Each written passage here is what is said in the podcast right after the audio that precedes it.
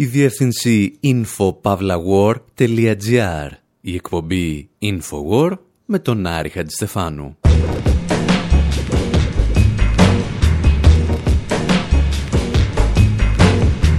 όπου σήμερα τραγουδάμε με μουσικούλες εύθυμες και ενδεχομένως βλάσφημες για το Πάσχα. Παρακολουθούμε το μεγαλύτερο musical με σταυρωμένους στην καλύτερη κομμωδία που έχει γυριστεί στην ιστορία του παγκόσμιου κινηματογράφου.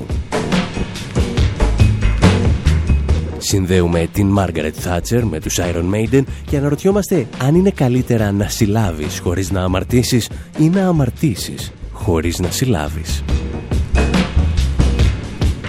Συζητάμε δηλαδή για τους Monty Python και τη ζωή του Brian.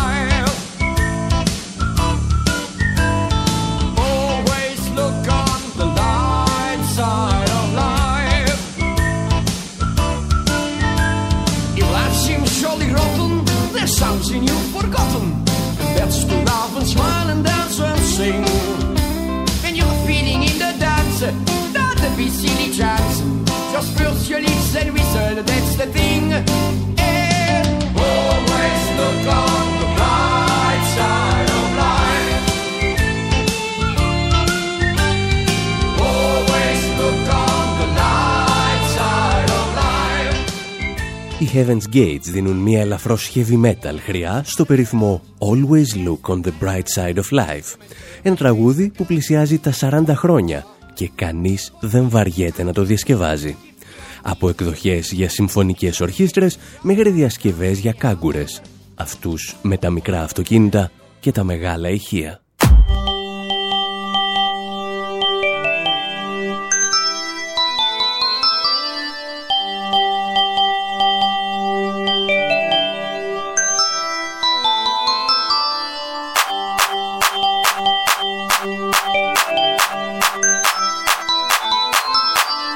Thank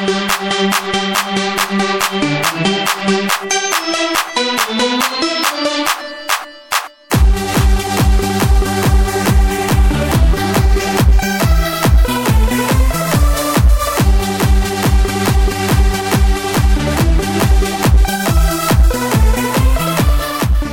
Κάθε Βρετανός έχει τη δική του ιστορία να διηγηθεί για το συγκεκριμένο τραγούδι. Κάποιοι μάλιστα το συνδέουν με αυτό το έκτακτο δελτίο ειδήσεων που μετέδωσε το BBC το 1982. This is BBC One. Now a news report from John Humphreys. Britain has suffered its first major losses in the Falklands conflict. The destroyer Sheffield came under an Argentine missile attack. Η Αργεντινή είχε μόλις χτυπήσει με πύραυλο έξωσετ το αντιτορπιλικό Σέφιλ της Μεγάλης Βρετανίας στον πόλεμο των Φόκλαντ. Και όταν τα σωστικά συνεργεία έφτασαν για να περισυλλέξουν τους επιζώντες, τους βρήκαν να σιγοσφυρίζουν το «Always look on the bright side of life».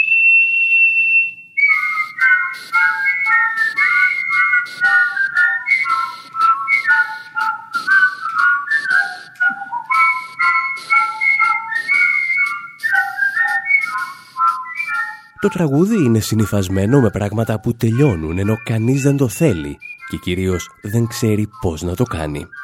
Ίσως γι' αυτό είναι το τραγούδι που ακούγεται στα ηχεία των συναυλιών των Iron Maiden εκείνη τη στιγμή που όσο και αν χειροκροτήσεις δεν θα ξαναβγούν στη σκηνή.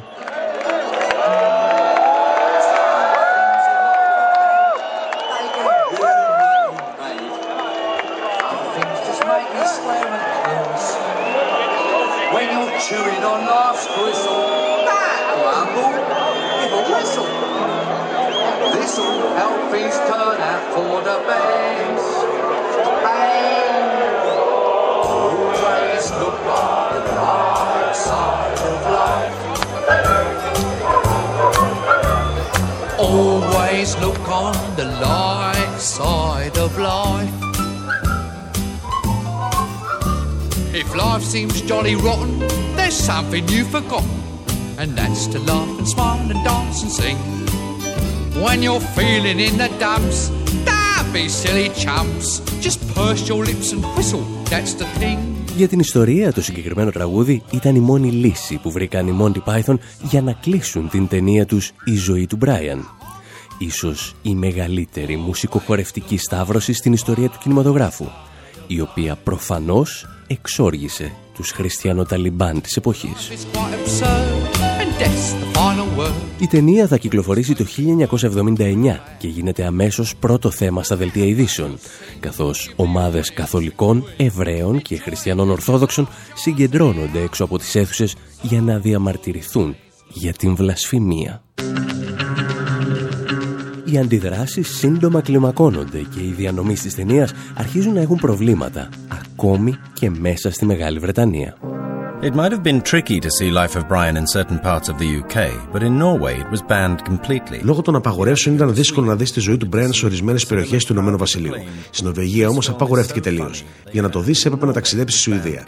Εκεί και με υπερηφάνεια έγραφαν στα διαφημιστικά τους ότι η ταινία είναι τόσο αστεία που την απαγόρευσαν στην Νορβηγία.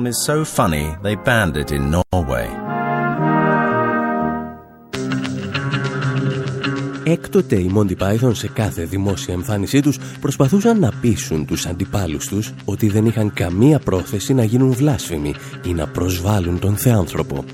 Όπως εδώ, ο Τζον Κλίζ αντιμέτωπος με εκπροσώπους διαφόρων δογμάτων στη Βρετανική τηλεόραση. You think that we're ridiculing Jesus, and we say, um, sort of sincerely and truthfully that that is certainly not what we intended to do. Νομίζετε ότι εξευτελίζουμε τον Ιησού. Απαντάμε απόλυτα ειλικρινά ότι δεν είχαμε ποτέ τέτοια πρόθεση.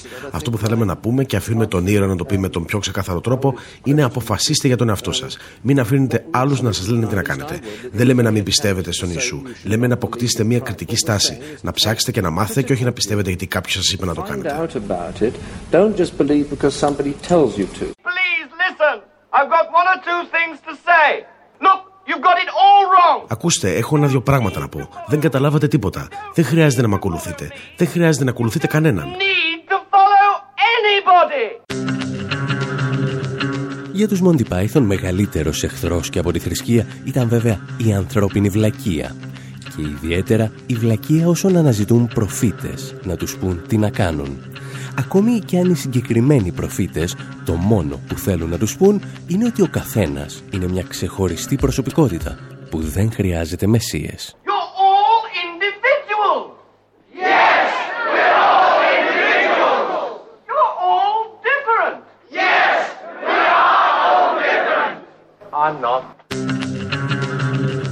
Με αυτά και με αυτά πάντως οι Monty Python δεν κατάφεραν να πείσουν κανέναν ότι δεν ήταν βλάσφημοι. Ήταν πλέον αργά για επιχειρήματα. Είχε έρθει η στιγμή της ανοιχτής σύγκρουσης. Και αυτή ακριβώς τη σύγκρουση θα παρακολουθήσουμε ύστερα από ένα ιδιαίτερα σχετικό τραγουδάκι.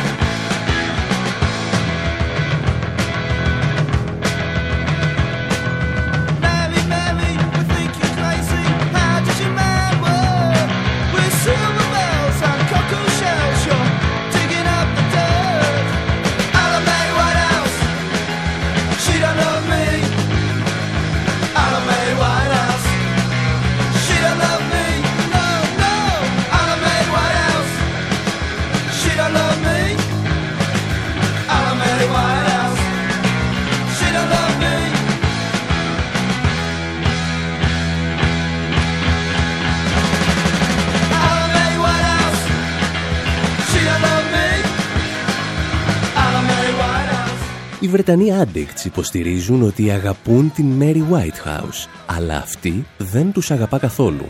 Και όταν βλέπει, λένε, καμιά τσόντα στο BBC, δυσαρεστείται σφόδρα.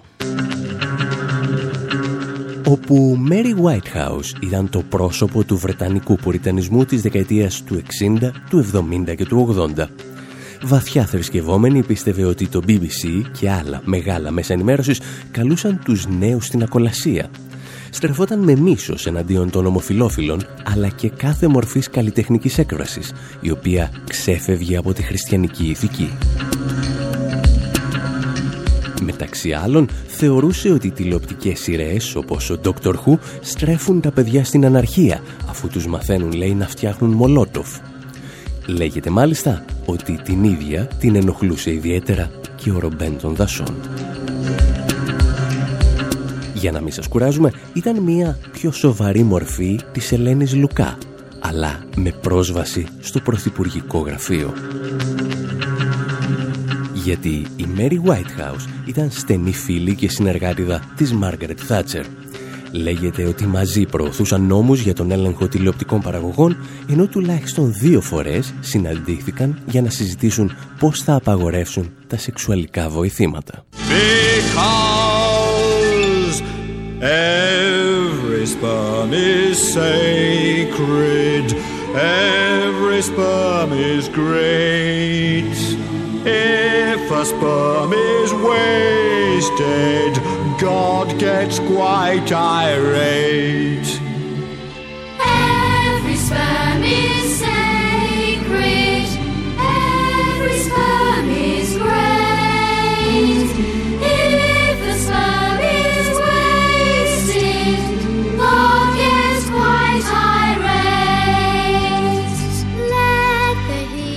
Όπως καταλαβαίνετε, μια ομάδα σαν τους Monty Python που εδώ τους ακούμε να τραγουδούν ότι κάθε σπερματοζωάριο είναι ιερό και αν χαθεί έστω και ένα, ο Θεός τα παίρνει στο κρανίο, δεν υπήρχε περίπτωση να μην προκαλέσει την οργή της Mary Whitehouse. Η ιστερική φιλενάδα της Μάργαρετ Θάτσερ ξεκίνησε κανονική σταυροφορία εναντίον της ταινίας «Η ζωή του Μπράιαν». Ζητούσε την άμεση απαγόρευση προβολής και την παραδειγματική τιμωρία των δημιούργων. Το πρόβλημα ήταν ότι και οι Monty Python δεν ήταν τίποτα τυχαία παιδιά. Σχεδόν όλοι τους είχαν μεγαλώσει σε βαθιά θρησκευόμενες οικογένειες και ήξεραν να διαβάζουν τη βίβλο από μπροστά και από πίσω. Και όλοι τους, αργά ή γρήγορα, εγκατέλειψαν τη θρησκεία, αφού πρώτα τη γνώρισαν και την ασπάστηκαν. Τα εξηγούσε πολύ καλύτερα ο Τζον Cleese, μιλώντας σε ντοκιμαντέρ του Channel 4. There was a lot of religion thrown at us, but very little that was explained. Μας πέταγαν μεγάλες ποσότητες θρησκείας, αλλά δεν μας εξηγούσαν και πολλά. Τουλάχιστον όχι με ικανοποιητικό τρόπο. Όταν δέχτηκα το μυστήριο του χρίσματος, περίμενα για εβδομάδες μια επουράνια λάμψη να με φωτίσει. Και όταν αυτό δεν συνέβη, έγινα φανατικός άθεος και ανθρωπιστής. Στους Monty Python ήμασταν τυχεροί, γιατί είχαμε την ίδια αντίληψη για το τι δεν είναι θρησκεία. Ποτέ δεν συμφωνούσαμε στο τι είναι, αλλά συμφωνούσαμε στο τι δεν είναι. Και αυτό ήταν μεγάλη τύχη. But certainly we agreed on what it wasn't. And that was lucky. Βαθύτερα θρησκευόμενος από όλους τους Python ήταν πιθανότατα ο Terry Gilliam. Και αυτός έγινε και ο πιο φανατικός άθεος. Όταν του έλεγαν ότι η τελευταία σκηνή της ταινίας «Η ζωή του Μπράιαν» προσβάλλει τον εσταυρωμένο, αναρωτιόταν τι είδους θρησκεία είναι αυτή που έχει σαν σύμβολο ένα σταυρό. I have no sympathy whatsoever δεν συμπάσχω καθόλου με αυτούς τους ανθρώπους. Κάθε θρησκεία που έχει σαν σύμβολό της μια μορφή βασανιστήριων νομίζω ότι είναι μια αρρωστημένη θρησκεία. σω πράγματι η ταινία να είναι προσβλητική για αυτούς αφού κοροϊδεύει τους ανθρώπους που δεν σκέφτονται για τον εαυτό τους. Αυτό ακριβώς λέμε στην ταινία. Είναι λογικό όσοι δεν σκέφτονται για τον εαυτό τους να εξοργίζονται.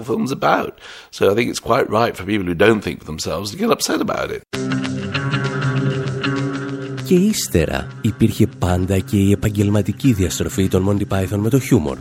Όσο και αν προσπαθούσαν να παραμένουν σοβαροί, δεν μπορούσαν να μην γελάσουν με ένα καλό αστείο. Κάτι σαν τους Ρωμαίους Λεγεωνάριους, όταν ακούν τη λέξη «μπίγκους ντίκους». Anybody else feel like a little giggle when I mention my friend Biggus? Dickus. Enough of this Κάτι αντίστοιχο συνέβαινε με τον Τζον Κλίζ όταν άκουγε τις ιστορίες των ιερών κειμένων για την άμωμο σύλληψη της Παναγίας δεν μπορούσε να σταματήσει να γελάει. Once you start thinking about it, it, it, can and start just thinking of it in everyday terms. Τι γίνεται όταν αρχίζεις να σκέφτεσαι τη θρησκεία με όρους καθημερινότητας, όταν αποδέχεσαι ότι όσα λένε πράγματι συνέβησαν. Πηγαίνει η Μαρία στον Ιωσήφ και του λέει με έγκυο, αλλά μην φοβάσαι, δεν πήγαμε κανέναν. Ήταν το Άγιο Πνεύμα. Και ύστερα ο Ιωσήφ πηγαίνει στην pub και λέει στους φίλους του, ξέρετε, ανησυχούσα για τη γυναίκα μου, αλλά τελικά όλα εντάξει. Συνέλαβε από το Άγιο Πνεύμα. Και οι φίλοι του λένε, Α, εντάξει, δεν το λες τόση ώρα. Καταλαβαίνεις ότι εκείνη τη στιγμή εμφανίζεται η αστεία πλευρά του πράγματος.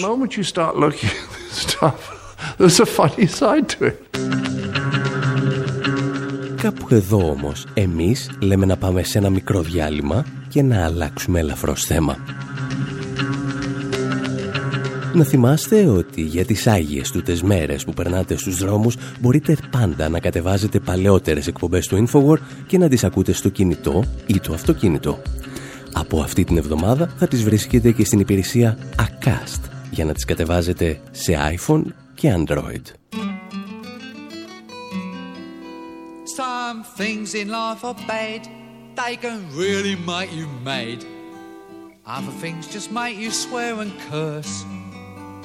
When you're chewing on life's gristle, that grumble, give a whistle. This'll help things turn out for the best. And always look on the bright side of life. Always look on the light side of life. If life seems jolly rotten, there's something you've forgotten, and that's to laugh and smile and dance and sing. When you're feeling in the dumps, don't be silly chumps. Just purse your lips and whistle, that's the thing. Hey, always look on the bright side of life. Come on. Always look on the bright side of life. For life is quite absurd, and death's the final word. You must always face the curtain with a bow. Forget about your scene, give the audience a grin. Enjoy it, it's your last chance anyhow. So always look on the bright side of death. Uh, just before you draw your terminal breath. Life's a piece of shit when you look at it. Life's a laugh and death's a joke, it's true. You'll see it's all a show, keep 'em laughing as you go. Just remember that the last laugh is on you. And always look on the bright side of life. Always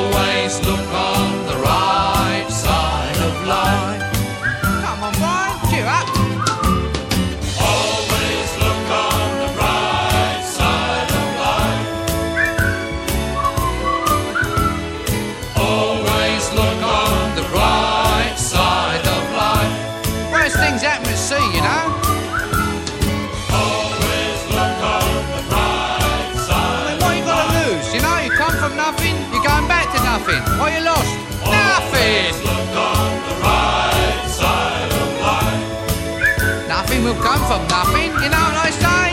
Cheer up, you old bugger. Come on, give us a grin. There you are. See? End of the film. Incidentally, this record's available in the foyer.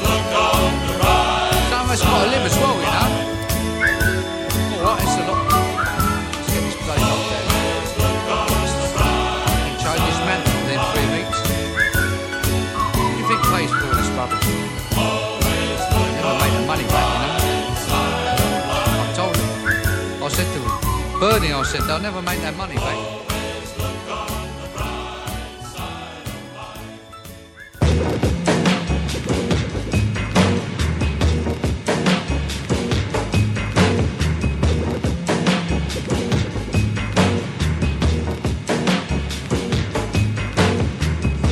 Εκπομπή Infowar, μέρος δεύτερο. Ένα τραγούδι, μία ιστορία.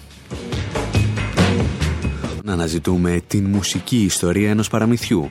Αναζητούμε την αλήκη στην χώρα των θαυμάτων. Την εντοπίζουμε σε παρεστησιογόνες ιστορίες με τους Jefferson Airplane, την αφήνουμε στις βαριές φωνές του Bob Dylan και του Tom Waits, την ξαναβρίσκουμε ελαφρώς ζαλισμένη στα τραγούδια των Sisters of Mercy και του Marilyn Manson. Ύστερα αναρωτιόμαστε αν ο δημιουργός της ήταν ελαφρώς τρελός ή ελαφρώς ιδιοφύης.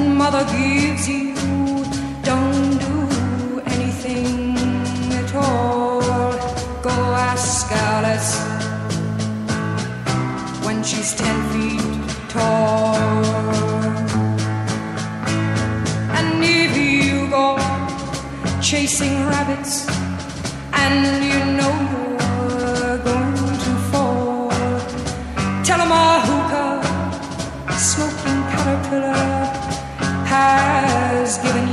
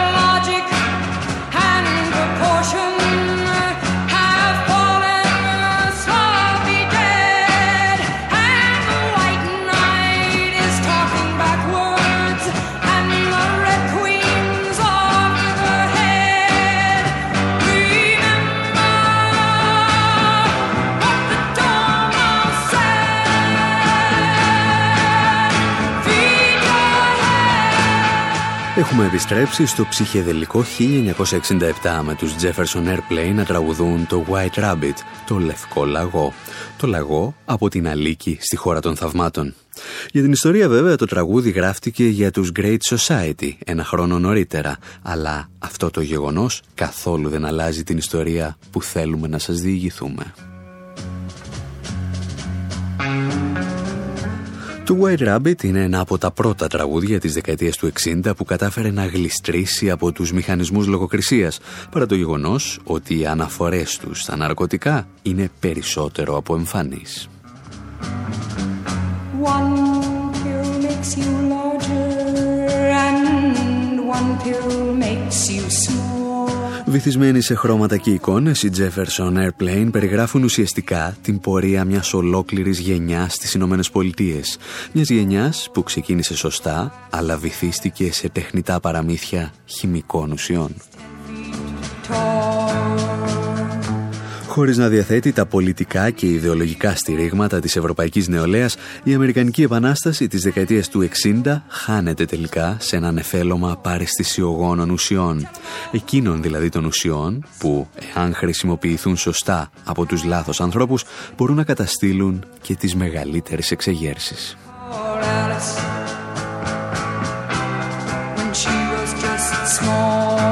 Τη στιγμή που έπρεπε να έχει ένα πεντακάθαρο μυαλό για να δει τι γινόταν γύρω της, η αμερικανική γενιά των χίπης έβλεπε απλώς χρώματα. Για ορισμένους βέβαια δεν είναι τυχαίο ότι η αγαπημένη παρεστησιογόνος ουσία της εποχής, το LSD, είχε δοκιμαστεί ερευνητικά από τη CIA τη δεκαετία του 50 με το περίφημο πρόγραμμα MK Ultra.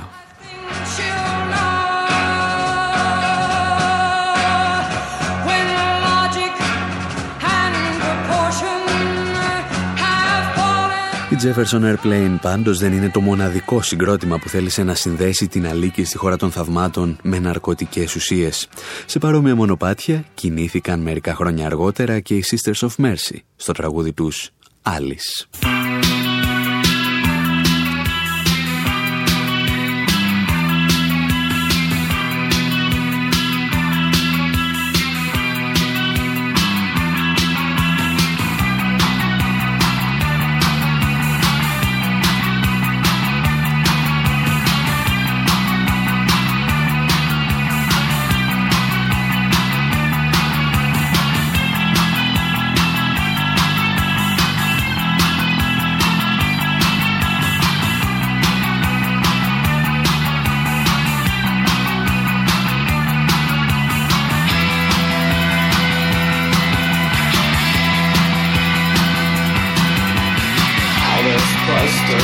against the wall so she can see the door.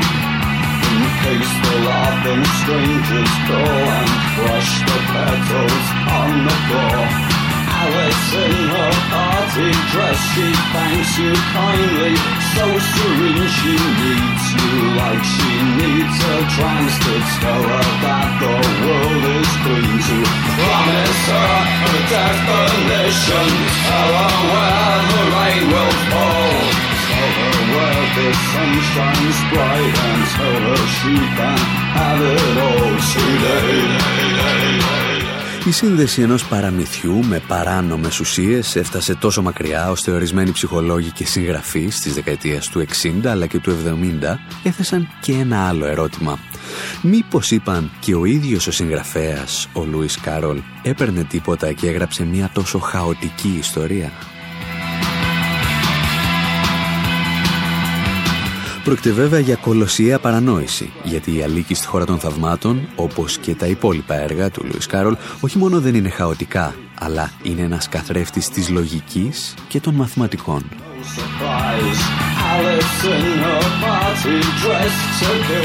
Άλλωστε κανένα μολυσμένο μυαλό με ναρκωτικά δεν θα μπορούσε να γράψει μια τόσο σύνθετη και καλωστημένη ιστορία.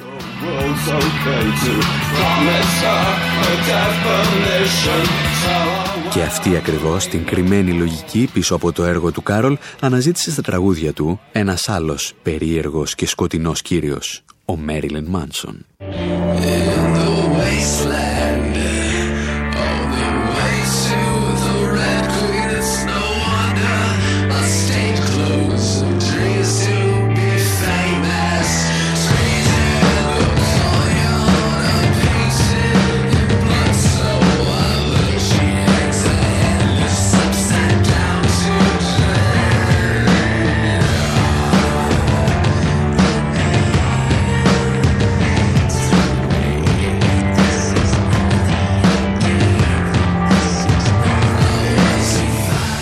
Μέριλιν Μάνσον πιστεύετε ότι εμπνεύστηκε το συγκεκριμένο τραγούδι με τίτλο «Eat Me, Drink Me» από την Αλίκη στη χώρα των θαυμάτων; Το μόνο βέβαιο είναι ότι έγραφε το ομώνυμο άλμπουμ όταν άρχισε να δουλεύει παράλληλα και το σενάριο μιας δικής του κινηματογραφικής παραγωγής για την Αλίκη στη χώρα των θαυμάτων. Μια ταινία που όπως έλεγε θα επιχειρούσε να φέρει το σκοτεινό πνεύμα του Χίτσκοκ στα παραμύθια του Κάρολ.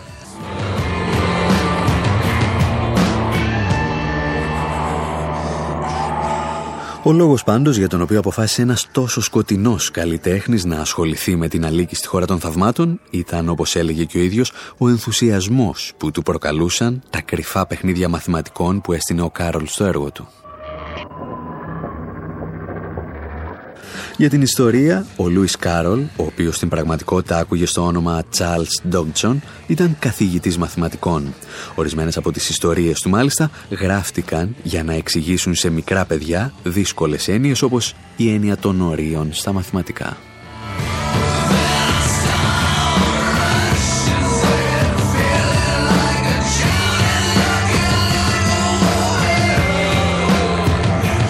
Ήταν λοιπόν ο δημιουργός του «Η Αλίκη στη χώρα των θαυμάτων» μια μαθηματική ιδιοφυΐα.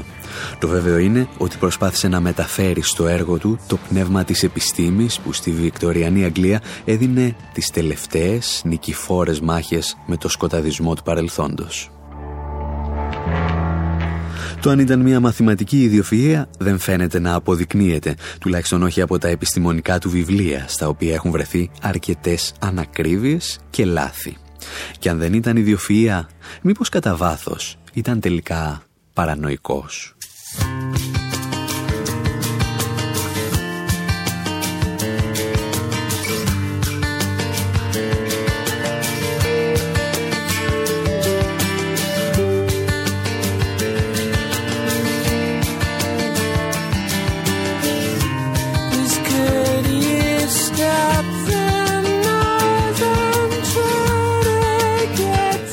Η αλήθεια είναι ότι για να γράψεις ένα τέτοιο έργο χρειάζεσαι μια μικρή δόση παράνοιας. Χρειάζεσαι ενδεχομένως να είσαι ένα paranoid android, όπως τα έλεγαν και οι Radiohead. Επιλέξαμε βέβαια το τραγούδι για τον στίχο του που λέει «Off with his head», «Πάρτε του το κεφάλι». Μια φράση που παραπέμπει άμεσα στην περίφημη ατάκα που έλεγε συνέχεια η βασίλισσα του παραμυθιού. Τους ακούμε και συνεχίζουμε.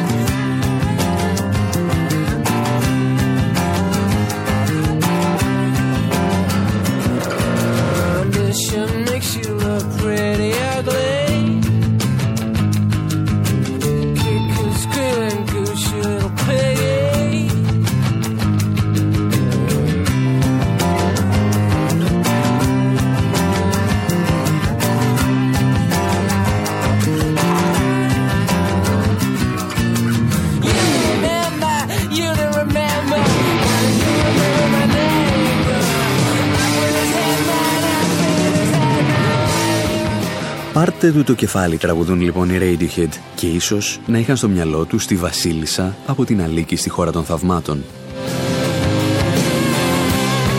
Το βέβαιο είναι ότι ο Λούις Κάρολ είχε πολύ συγκεκριμένα πράγματα στο μυαλό του όταν έστεινε τη συγκεκριμένη περσόνα στο έργο του. Για αρκετούς αναλυτές, η αιμονή της βασίλισσας να παίρνει κεφάλια είναι μια έμεση αναφορά στον αυταρχισμό της μοναρχίας. Άλλοι συγγραφείς προχωρούν ένα βήμα περισσότερο και αναζητούν στα έργα του Κάρολ ιστορικές αναφορές. Ήδη από το 1928, ο Βρετανός ιστοριοδίφης C.W. Giles υποστήριζε ότι η Αλίκη στη χώρα των θαυμάτων διηγείται και σατυρίζει τον πόλεμο των Ρόδων.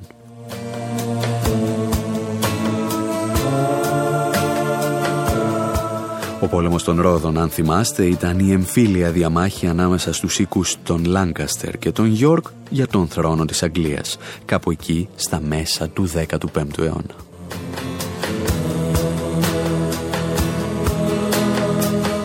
Και ενώ ο Κάρολ έγραφε λοιπόν κατά πάσα πιθανότητα για τους Άγγλους, κάτι Σκοτσέζοι λίγο βορειότερα έγραφαν τραγούδια για αυτόν. Will you walk a little faster?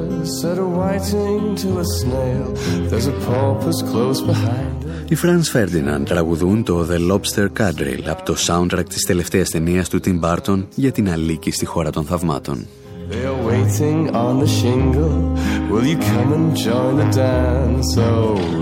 Μήπως μπορείς να περπατάς λίγο πιο γρήγορα, είπε ο Μερλούγκιος στο Σαλιγκάρι, γιατί μας πλησιάζει ένα πόρπουαζ τραγουδούν οι Franz Ferdinand. όπου μερλούγκιος είναι ένα είδος ψαριού και πορπουάζ ένα είδος δελφινιού. Μία από τις περιπτώσεις που ακόμη και αν ξέρεις όλες τις λέξεις του τραγουδιού δεν καταλαβαίνεις και πολλά.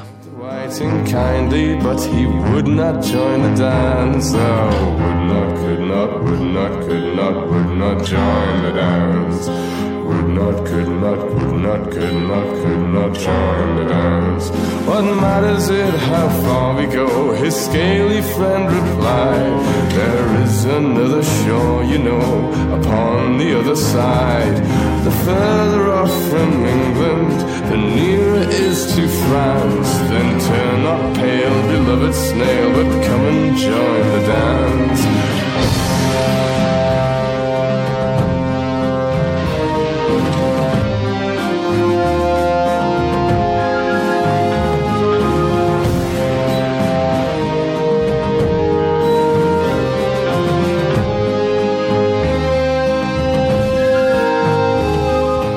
Ελαφρώς πιο κατανοητός πάντως στους στίχους και τα νοήματά του είναι ο Μπομπ Ντίλαν όταν τραγουδά και αυτός επηρεασμένος από την Αλίκη στη χώρα των θαυμάτων.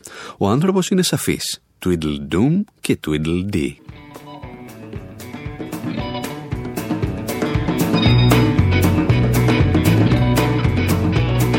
Tweedledum and Tweedledee They're throwing knives into the tree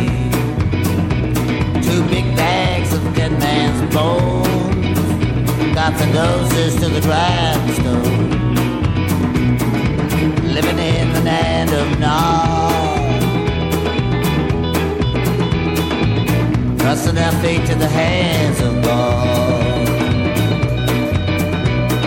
They pass by so silently. Tweedly dum and tweedly dee. Well, they're going to the country, they're going to retire. They're taking a streetcar named Desire. Looking at the window with a pecan pie. A lot of things they'd like they would never buy. Neither one gonna turn and run.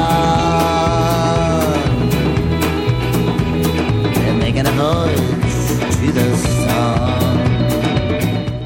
Tweedledum και Tweedledee λοιπόν. Πρόκειται για δύο από τους ήρωες στα έργα του Λουίς Κάρολ.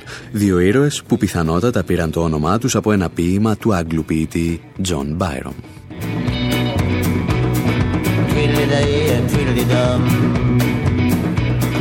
Επίσης, αν χρειάζεστε μερικές ακόμη άχρηστες πληροφορίες, Tweedledum and Tweedledee αποκαλούσαν κάποτε τους υποψηφίους των Αμερικανικών Προεδρικών Εκλογών, όταν ήθελαν να πούν ότι δεν υπάρχει καμία διαφορά μεταξύ τους.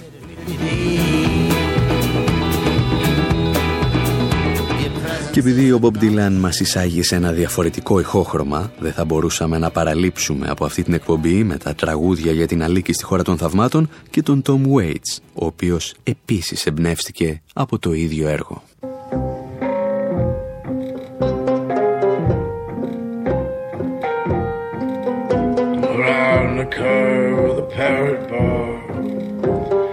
broken down old movie star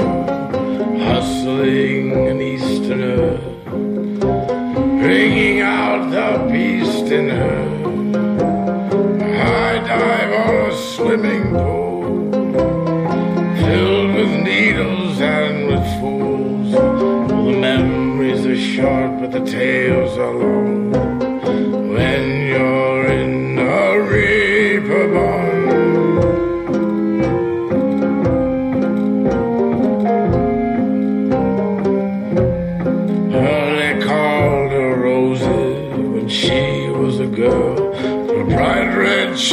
And her strawberry curls. When she would laugh, the river would run. Στο σημείο αυτό όμως θα σας αφήσουμε και για αυτή την εβδομάδα. Σας θυμίζουμε ότι μπορείτε να βρίσκετε πάντα τις παλαιότερες εκπομπές του Infowar και στο xstefanu.gr. Από όλους τους τεχνικούς και ηχολήπτες και από τους δύο γέρους του Muppet Show, γεια σας και χαρά σας. Move, move. That was the worst thing I ever heard. It was terrible. Horrendous. Well, it wasn't that bad. Oh, yeah? Oh, there were parts of it I liked. Yeah, I liked a lot of it. Yeah, it was good. It was great. It's wonderful. Oh, bravo. More. More. More. More. Some things in life are bad. They can really make you mad. Other things just make you swear and curse. When you're chewing on life's gristle, don't grumble, give a whistle. This'll help things turn out for the best. And always look on the bright side of life. Always look on the light side of life. If life seems jolly rotten, there's something you've forgotten, and that's to laugh and smile and dance and sing. When you're feeling in the dumps, don't be silly chumps. Just purse your lips and whistle, that's the thing. Hey, always look on the bright side of life. Come on. Always look on the bright side of life. For life is quite absurd, and death's the final word. You must always face the curtain with a bow. Forget about your scene, give the audience a grin. Enjoy it, it's your last chance anyhow. So always look on the bright side of death. Just before you draw your terminal breath. A piece of shit when you look at it. Life's a laugh and death's a joke, it's true.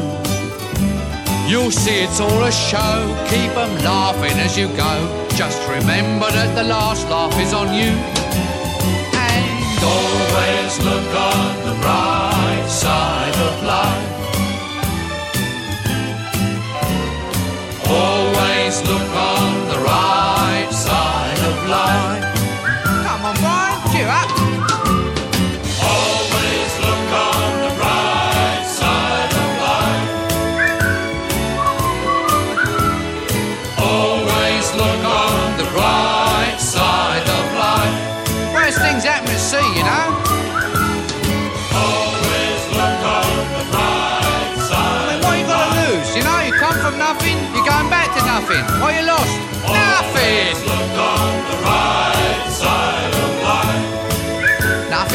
from nothing, you know what I say? Cheer up, you old bugger. Come on, give us a grin. There you are. See? The end of the film. Incidentally, this record's available in the foyer. Some of us got to live as well, you know. Alright, it's a lot. Let's get this bloody locked